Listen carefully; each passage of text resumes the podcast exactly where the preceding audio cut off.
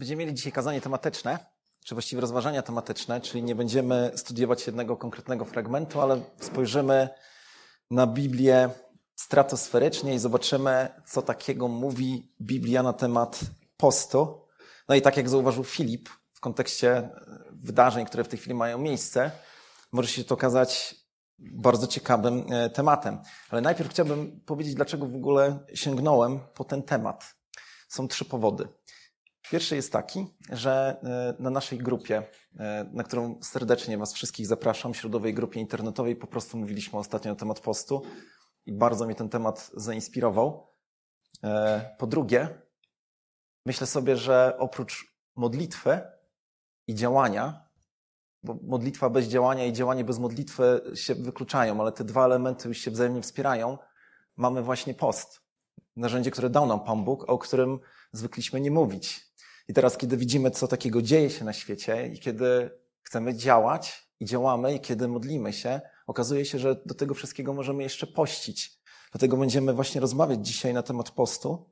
Jest jeszcze trzeci powód, powiedziałbym najmniej ważny w tej całej sytuacji, ale jednak ma jakąś tam istotność albo wagę. Nigdy w życiu nie słyszałem kazania poświęconego tematyce postu. Słyszałem o tym, jak kaznodzieja mówił w trakcie kazania na jakiś tam temat, że może trzeba pościć, może coś trzeba robić, ale nigdy nie miałam tego przywileju albo okazji właśnie, żeby słyszeć rozważania na temat postu. Tym bardziej chciałbym z wami się podzielić dzisiaj tą, mm, tym, co, co mam tutaj w notatkach i co leży w moim sercu.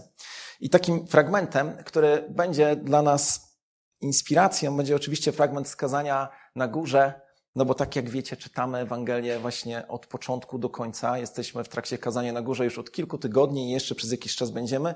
I to właśnie tam Pan Jezus mówi o poście. A gdy pościcie, nie bądźcie smętni jak obudnicy.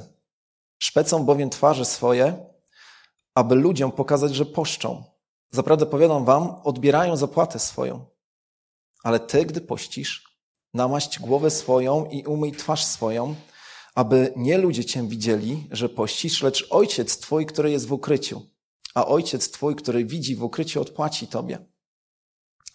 No i właśnie chciałbym, żebyśmy spojrzeli na to, co w ogóle Biblia mówi nam na temat postu, jakie daje nam wskazówki, czy są jakieś regulacje, albo czy mamy jakieś dobre przykłady. I zanim jednak do tego przejdziemy, chciałbym porozmawiać z Wami na temat krzesła. I chociaż pewnie wygląda to zabawnie, e, to wiem, że okoliczności nie sprzyjają temu, żeby tak było, ale jednak pokazuję Wam to krzesło, ponieważ mm, jest coś takiego, z czym może się spotkaliście, takie pojęcie, zwłaszcza wśród y, świeżo nawróconych chrześcijan, jak Ewangelia Krzesła. Y, Ewangelia Krzesła, dlaczego krzesła? Dlatego, że krzesło ma cztery nogi. I kiedy nawracamy się, albo kiedy jesteśmy świadkami tego, że ktoś się nawraca, chcemy zawsze dać jakąś praktyczną wskazówkę, co teraz trzeba zrobić. I oczywiście zachęcamy do chrztu, bardzo często, ale mówimy, że żeby utrzymać swoje życie w pobożności, należy robić cztery rzeczy. Tak jak to krzesło ma cztery nogi, tak te cztery rzeczy, o których najczęściej mówimy, albo przynajmniej o których ja słyszę, albo o których mówię, to są takie elementy jak modlitwa właśnie, czytanie Bożego Słowa, bycie w jakiejś społeczności, czyli w jakimś kościele, w jakimś zborze, w jakiejś parafii i w końcu mówienie innym o Chrystusie. Kiedy brakuje któregoś z tych elementów, no to powstaje krzesło, które ma tylko trzy nogi, dwie albo jedną. No i wiemy o tym, że takie krzesło nie zdaje egzaminu. Co prawda przejrzałem tutaj, zrobiłem szybki research i okazuje się, że można. Ale zakładam, że jednak te krzesło, które ma cztery nogi, krzesło, na których siedzicie właśnie teraz, to są te krzesła, na których czujemy się najbardziej stabilnie. I tak faktycznie jest. Praktyczne życie chrześcijańskie, te, które jakby sprawia, że możemy żyć w pobożności, możemy chronić się przed grzechem, wymaga tych czterech elementów. Jeżeli zapominamy o którymś z nich, no to dochodzi do dewiacji, do jakiejś patologii. Niemniej jednak okazuje się, że kiedy Pan Jezus w kazaniu na górze opowiada o praktycznym elemencie, to wspomina o trzech rzeczach. I tylko jedna z nich jest wspólna. Zobaczcie, to jest kazanie na górze. Nie, Chodzi mi tylko, żebyśmy zobaczyli strukturę. Ten fragment o poście jest tutaj. Tak, zaczyna się w tym miejscu i kończy się tam u, górze, u góry.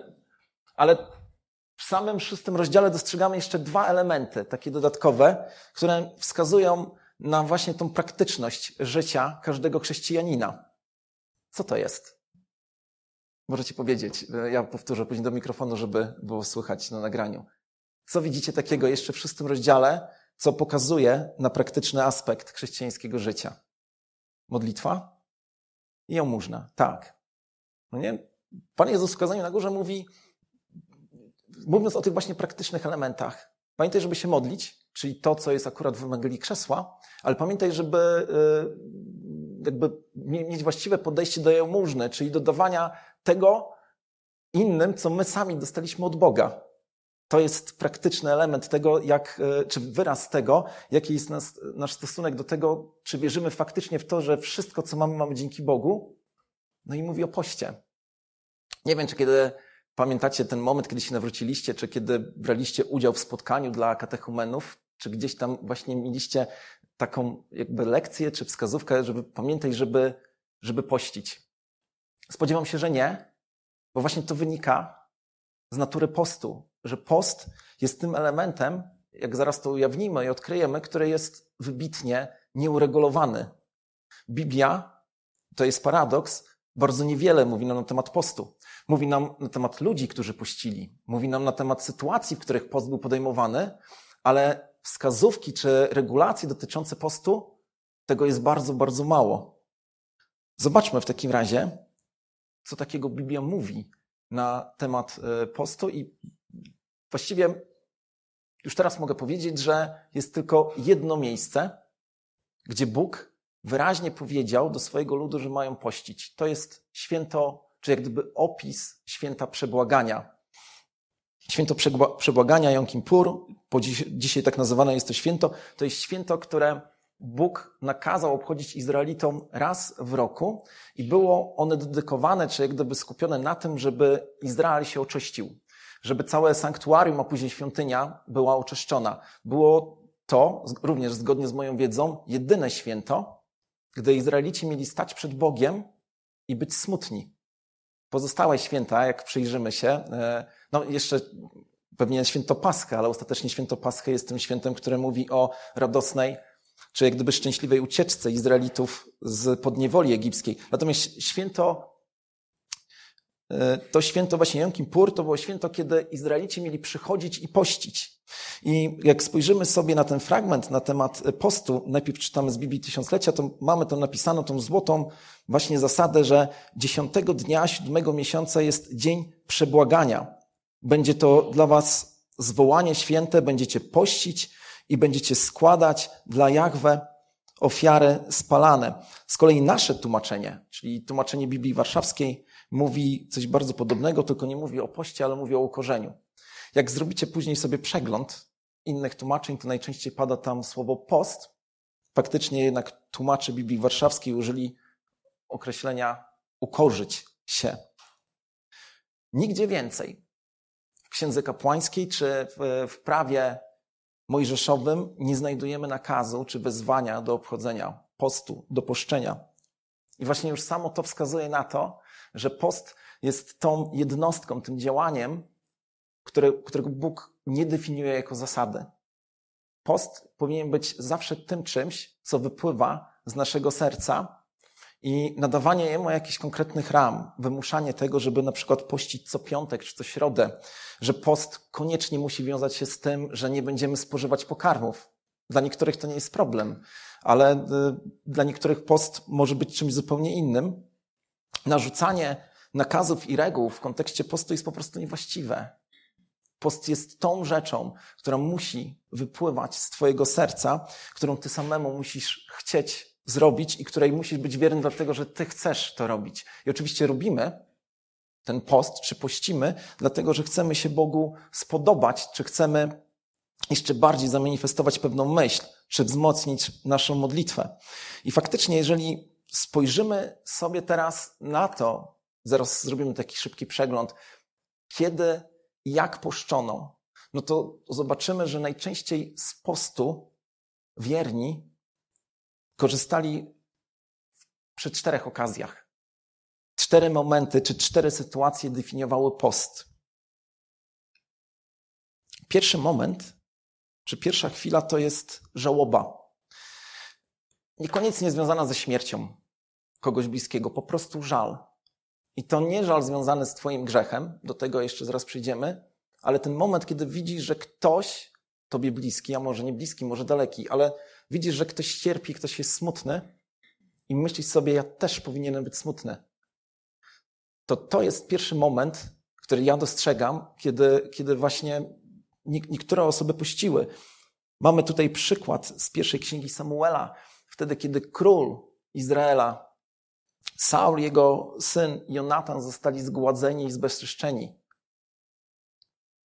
Ich ciała i głowy, i głowy zostały obcięte i generalnie była to straszna śmierć. Śmierć, na którą Saul zasłużył. Ale czy Jonatan tego już do końca nie wiemy. Niemniej jednak ludzie, którzy zobaczyli, co takiego się wydarzyło, podjęli pewną inicjatywę i teraz o niej będę chciał wam przeczytać. Gdy mieszkańcy Jabesz Gilead usłyszeli o tym, co Filistyńczycy zrobili z Saulem, zerwali się wszyscy zdatni do boju mężczyźni i po całonocnym pochodzie przyszli i zdjęli zwłoki Saula i zwłoki jego synów z muru Bet Sheanu. I przyszedłszy do Jabesz, spalili je tam. Kości zaś ich zebrali i pogrzebali pod tamaryszkiem w Jabesz i pościli przez siedem dni. Ci ludzie, którzy doświadczyli właśnie tego smutku, że ich przywódca został zgładzony i zbezczeszczony, po prostu cierpieli i byli smutni i z tego powodu właśnie pościli. Więc dzisiaj my, to jest dla nas pewna wskazówka, kiedy widzimy, że nasi bracia i nasze siostry, a nawet nie nasi bracia i nasze siostry, nawet te osoby, które nie poszły za Chrystusem, ale widzimy, że cierpią, bo dają w tej chwili swoje życie i są bezpodstawnie za, zabijani, jeżeli naprawdę, cofam, nie, nie jeżeli naprawdę, wiem, że im wszyscy współczujemy, ale jeżeli chcesz, żeby Twoje współczucie było mocniejsze, bardziej wyraźne przed samym Tobą, bo przecież nie będziesz tego postu manifestował nigdzie na zewnątrz, to zdecyduj się na post. Zacznij pościć, żeby Twój ból był choćby w jednej milionowej, taki jak ich ból. Dalej, drugi moment, kiedy decydujemy się na post, no właśnie, jaki to jest moment? Pamiętamy, kiedy Dawid Dawid, nasz bohater wiary, bohater biblijny, człowiek, którego uwielbiamy naśladować. Oczywiście wiemy, że zrobił również wiele głupich rzeczy. I kiedy Dawid dowiaduje się, że jego dziecko, które pochodzi jeszcze wtedy z nieprawego łoża, kiedy no, dowiaduje się, że właśnie to dziecko prawdopodobnie umrze, Dawid zaczyna prosić Boga o litość. Wtedy Dawid błagał Boga za dziecięciem i pościł Dawid, a gdy przyszedł na noc do domu, leżał całą noc na ziemi. Gdy zaś przystąpili do niego starsi jego domu, aby go podnieść z ziemi, nie chciał wstać i nie spożył z nimi posiłku. Siódmego dnia dziecię zmarło. Cudzy Dawida bali się powiedzieć mu, że dziecię nie żyje. Myśleli bowiem, jeżeli oto, póki jeszcze dziecię żyło i my mówiliśmy do niego, on nie słuchał naszego głosu, to jakże mamy mu powiedzieć, że dziecię nie żyje? Gotów jeszcze zrobić sobie coś złego. Lecz Dawid spostrzegł, że jego słudzy szepcą między sobą, domyślił się więc, że dziecię nie żyje. I zapytał Dawid swoich sług, czy dziecię zmarło? A oni odpowiedzieli, zmarło. Wtedy Dawid podniósł się z ziemi, umył się, namaścił, zmienił swoje szaty i poszedł do świątyni Pana, aby mu oddać pokłon. Potem powrócił do swojego domu, poprosił o posiłek, a gdy mu go podano, spożył go. Mamy tutaj tą wskazówkę, że właśnie Dawid, który chciał wzmocnić swoją modlitwę, chciał wyraźnie pokazać Bogu, że naprawdę mu zależy, pościł. Zresztą to jest ten element postu, który chyba jest taki najbardziej intuicyjny. Jeżeli na, zależy nam na czymś szczególnie, manifestujemy to właśnie poprzez post słowo manifest jest pewnie nie do końca trafne, bo oznacza, że inni mają to widzieć. Nie. Tutaj oczywiście ten post był widoczny i to też nie jest tak, że zawsze ten post musi być ukryty. Dzisiaj o tym nie będziemy mówić, ale przypomnijcie sobie chociażby post Niniwijczyków, do których, o których zaraz będziemy mówić e, i może wtedy to skomentuję. Tak czy inaczej, Dawidowi naprawdę zależało na tym, żeby jego syn przeżył Ale Bóg zdecydował inaczej. Niemniej jednak widzimy, że ten post trwał do momentu, dopóki Dawid nie zdał sobie sprawy z tego, że modlitwa nie została wysłuchana. A zatem, jeżeli na czymś ci naprawdę zależy, jeżeli podejmujesz się przedsięwzięcia lub działania, które potrzebuje szczególnej opieki, to pość. Jeżeli chcesz, żeby Ukraina została uwolniona, to pość. Podejmij post. Pośćmy, módlmy się i działajmy. Kiedy Ezrasz decyduje się na to, żeby wraz chyba z 1700 ludźmi przejść z Babilonii z powrotem do Jerozolimy, żeby odbyć tą pielgrzymkę, która była no, z gruntu rzeczy skazana, no nie chcę powiedzieć, że na porażkę, ale była podróżą wysokiego ryzyka. To co robi? Potem, mówi Ezdras, zarządziłem tam nad rzeką Achawa post, abyśmy się ukorzyli przed naszym Bogiem i wyprosili u Niego szczęśliwą drogę dla siebie, dla naszych rodzin, dla całego naszego dobytku. I wiemy, że ta podróż skończyła się szczęśliwie. Nie chcę powiedzieć dlatego, że puścili, że to jest jakiś złoty talizman. Bo znowuż dzisiaj w trakcie tych naszych rozważań o tym nie wspomnimy, ale kiedy czytamy Księgę Izajasza na przykład, to widzimy, że Bóg, kiedy jest naprawdę zły na Izraelitów czy na Judejczyków, to mówi im, jestem zły na was dlatego, że puściliście, bo traktowaliście ten post jak talizman. Tam nie ma słowa talizman, ale chodziło o to, że puściliście w oderwaniu ode mnie. Myśleliście, że poszczenie jest po prostu jakimś złotym rozwiązaniem. Tymczasem, jeżeli post wypływa z Twojego serca, może naprawdę wzmocnić Twoją modlitwę. I to nie jest tak, że będziemy próbowali Pana Boga przekupić, ale jakoś właśnie taka jest natura działania Boga, że post sprawia, że jeszcze bardziej gorliwie się modlimy, jeszcze bardziej wierzymy w to, o co prosimy. Myślę sobie, że kiedy właśnie doświadczasz problemów, czy to w życiu małżeńskim, czy nawet praktyczna wskazówka, kiedy pracujesz gdzieś, podejmujesz się projektu, który wymaga szczególnego zaangażowania, jest ryzykowny, rozważ post. Trzeci moment, kiedy widzę, czy jakby odkrywam w Biblii, że, że właśnie poszczono, to był, to był właśnie post związany z wyznaniem grzechów. I tych postów również widzimy wiele.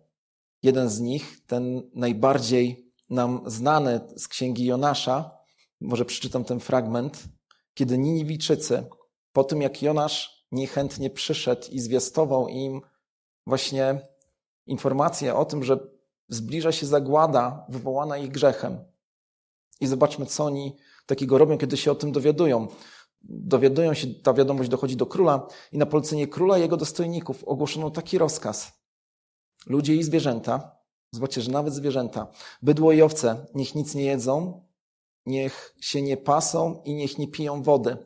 Niech włożą w osienice zarówno ludzie, jak i bydło i niech żarliwie wołają do Boga. Niech każdy zawróci ze swojej złej drogi i od bezprawia własnoręcznie popełnionego. A może Bóg znowu się użali i odstąpi od swojego gniewu i nie zginiemy. A gdy Bóg widział ich postępowanie, że zawrócili ze swojej złej drogi, wtedy użalił się Bóg nieszczęścia, wtedy użalił się Bóg nieszczęścia, które postanowił zesłać na nich i nie uczynił tego. To zdanie w dziesiątym wersecie brzmi tak nie, nie wiem, nie do końca do Pols po polsku, ale faktycznie tak jest napisane. Ale rozumiemy wszyscy, co chodzi. Mm, Grzechy oczywiście powinniśmy wyznawać każdego dnia. To jest ta rzecz, którą powinniśmy robić, ale każdy nas wie, że są takie momenty i chwile w naszym życiu, kiedy sami wyraźnie dostrzegamy, że zrobiliśmy coś, co zaskoczyło nas samych. Coś, czego chcieliśmy uniknąć, coś, z czego bardzo się wstydzimy i za co naprawdę chcielibyśmy Boga przeprosić. Nie zrozummy się źle, za każdy grzech chcemy Boga przeprosić. Ale kiedy doświadczamy tego, że zbłądziliśmy, i zagłuszaliśmy nasz, zagłuszaliśmy Ducha Świętego, który ostrzegał nas przed pewnymi rzeczami. I kiedy to już się stało i zdajemy sobie sprawę, chyba przekroczyliśmy granicę, no to właśnie warto wtedy pościć. To jest ten trzeci element. Więc jeszcze raz powtórzmy sobie te trzy elementy. Po pierwsze, jeżeli chcesz wziąć udział w żałobie, chcesz komuś współczuć.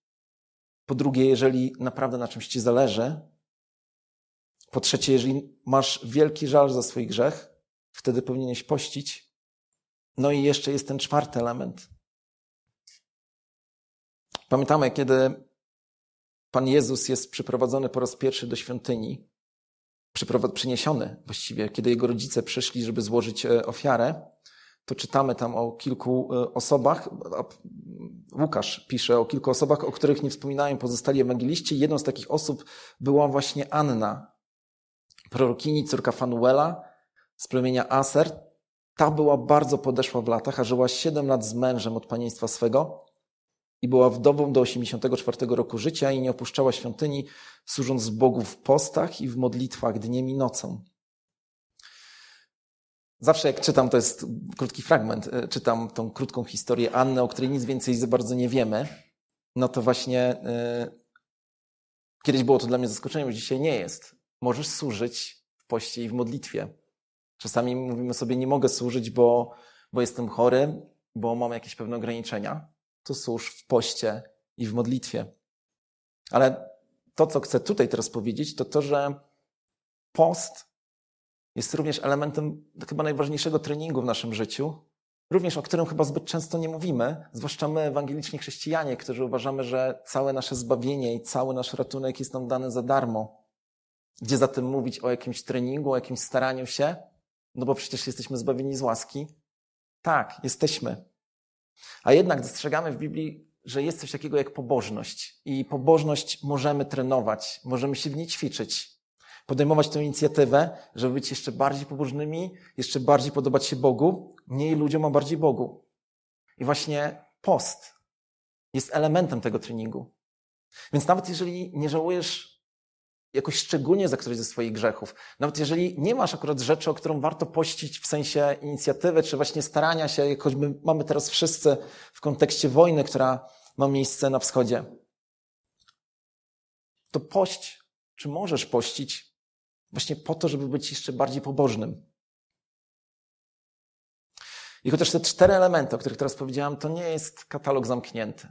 Myślę, że okazji czy powodów do postu jest wiele to jednak nakreślają one momenty, kiedy wielcy ludzie, o których czytamy w Biblii, pościli.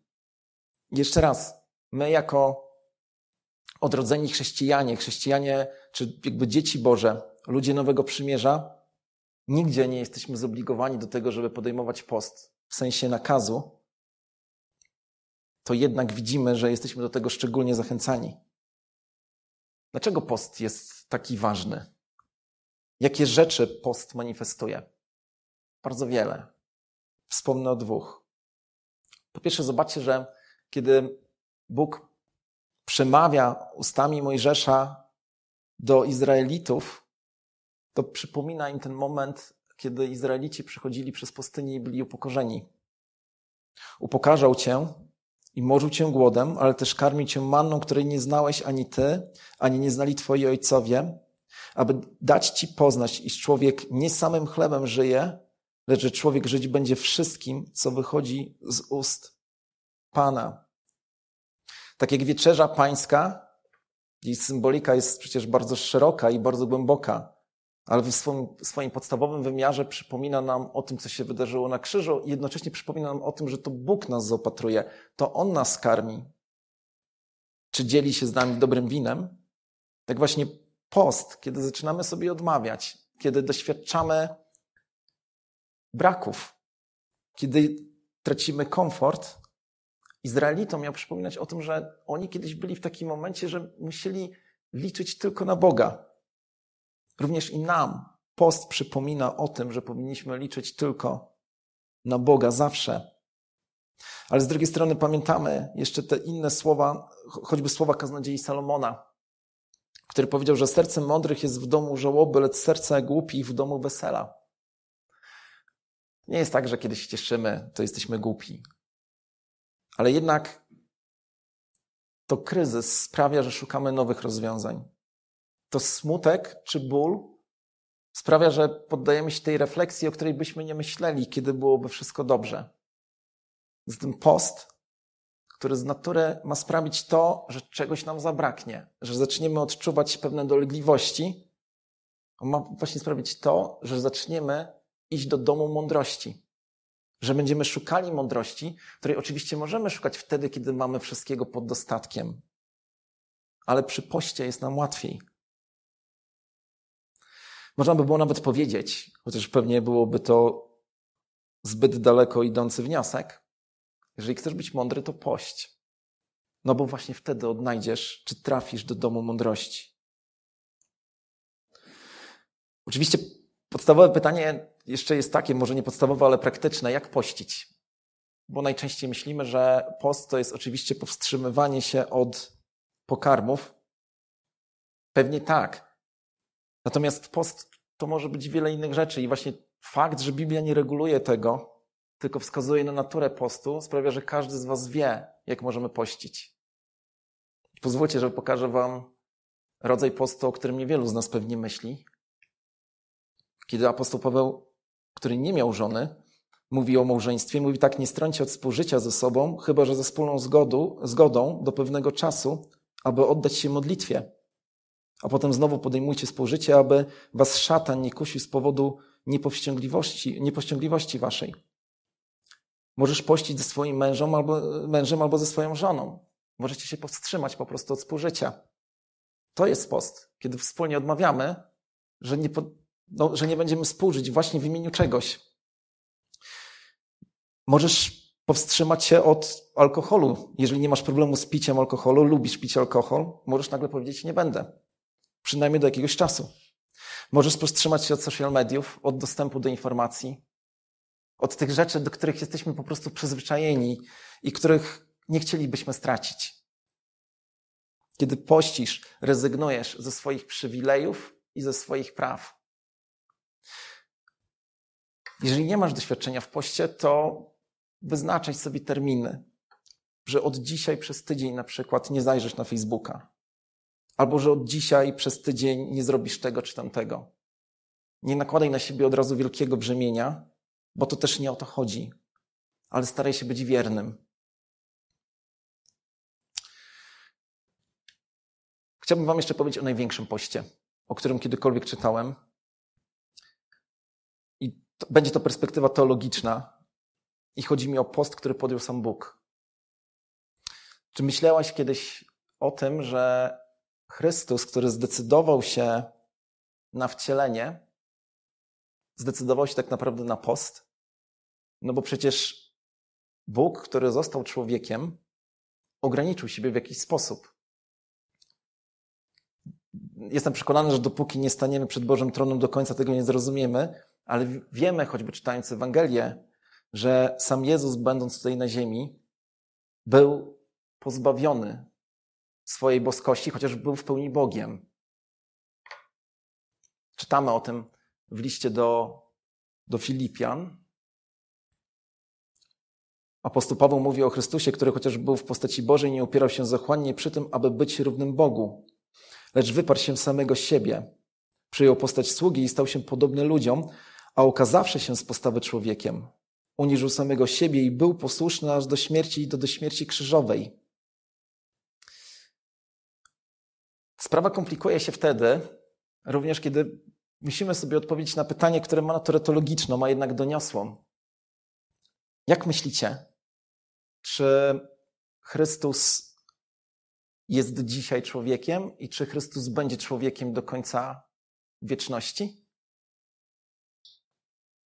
Bo jeżeli tak, jeżeli Chrystus jest dzisiaj człowiekiem i będzie człowiekiem przez całą wieczność już, to oznacza, że akt tego dzieła, którego, o którym wiemy, że miało miejsce na krzyżu, to nie było coś jednorazowego coś oczywiście wielkiego i wspaniałego, ale to była decyzja Boga, żeby w jakiś sposób doświadczył ograniczenia, czy właśnie człowieczeństwa w drugiej części wieczności. Zobaczcie, że kiedy apostoł Paweł mówi o Chrystusie, kiedy mówi o tym, że to Chrystus jest pośrednikiem między nami a Bogiem, to mówi, że tym pośrednikiem cały czas jest człowiek. To nie jest tak, że kiedy Chrystus został wzięty do nieba, to nagle stracił to człowieczeństwo i na nowo jak gdyby wrócił do tego stanu, w którym był przed wcieleniem. Kiedy Bóg zdecydował się na interwencję, to zdecydował się na wielki post. I czy właśnie to, kiedy my puścimy, nie wyraża tego, że Bóg w swojej miłości powiedział: Mój syn doświadczy zmiany, która będzie trwała wiecznie, po to, żeby ratować Ciebie i mnie. Zobaczcie, autor listu Hebrajczyków, tak żeby jeszcze bardziej poprzeć tą tezę, napisał takie słowa, że dlatego Chrystus musiał we wszystkim, we wszystkim upodobnić się do braci, aby mógł zostać miłosiernym i wiernym arcykapłanem przed Bogiem dla przebłagania go za grzechy ludu. I my oczywiście wiemy, że kiedy przyjdzie ten moment, że Pan Bóg powoła nas z tego świata, kiedy ten świat się skończy, kiedy staniemy przed Bożym tronem, to my ludzie będziemy mieli już inne ciała, ale będziemy ludźmi. I właśnie Bóg, Syn Boży, zdecydował się na post, na ograniczenie samego siebie, po to, żebyś i ty, i ja mógł żyć. Dlatego ostatnią rzeczą, a może przedostatnią, do której chciałbym Ciebie zachęcić, to to, że jeżeli jeszcze nie podjąłeś decyzji, jeżeli nie zdałeś sobie sprawy, jak wiele Bóg zrobił po to, żeby Ciebie ratować, to żebyś się podjął właśnie teraz. Boże Słowo mówi o tym, że wystarczy Mu zaufać, wyznać grzechy i zaufać. I Twoje, Mu, czyli Chrystusowi, i Twoje grzechy będą na zawsze odpuszczone. Nie dlatego, że na to zasłużyłeś, tylko dlatego, że Bóg postanowił zmienić swoje życie w wieczności, żeby Ciebie ratować. A zatem nie lekceważ tego, bo jak zlekceważysz, to później będzie już za późno. I ostatnia rzecz, do której chciałem Was zachęcić. Pośćmy. Podejmijmy post. Nie grupowy, nie tak jak ci ludzie w Niniwie. Niech każdy zrobi to zgodnie ze swoim sumieniem, ze swoim planem. Każdy z nas wie, na czym nam najbardziej w tej chwili zależy. Pośćmy za naszych przyjaciół i zobaczmy, jak Boża moc się objawia, bo może będziemy świadkami cudu. Amen. Pochylmy głowy. Panie Boże, przychodzimy teraz przed Twój tron właśnie z, z, z, tym jakby przekonaniem, czy jakby z tą wdzięcznością, że nawet nie, zda, nie zdajemy sobie sprawy, jak Ty dla nas wiele uczyniłeś. Dziękujemy Ci, Ojcze, dziękujemy Ci, Synu, dziękujemy Ci, Duchu Święty, za Twoje poświęcenie. Za to, że Ty, Synu, ograniczyłeś się po to, żeby zastąpić szczególnej chwały później, ale też po to, żeby właśnie stratować. I daj nam, Panie, siłę i odwagę do tego, żebyśmy umieli pościć w skrytości, ale tak, żeby wzmocnić nasze modlitwy i nasze starania. Choćby właśnie o to, żeby na Ukrainie tam nastąpił porządek, na którym nam bardzo zależy. I tak jak jeszcze wcześniej modliliśmy się, ja też chcę się teraz pomodlić o to, Boże, proszę Cię o sprawiedliwość. My wiemy, wyznajemy to, jesteśmy przekonani, że to Ty jesteś władcą wszechrzeczy. I wiemy, że ostatecznie rozliczysz tych, którym wydaje, wydaje się, że są władcami tego świata. Ale Panie, przychodzimy i prosimy Ciebie o to, że jeżeli taka jest Twoja wola, żebyś pozwolił nam i całemu światu zobaczyć, że to właśnie Ty teraz panujesz nad wszystkim. Uwielbi się w tym wszystkim, daj nam siły wtedy, kiedy będziemy pościć i pozwól nam się w tym rozwijać. Amen.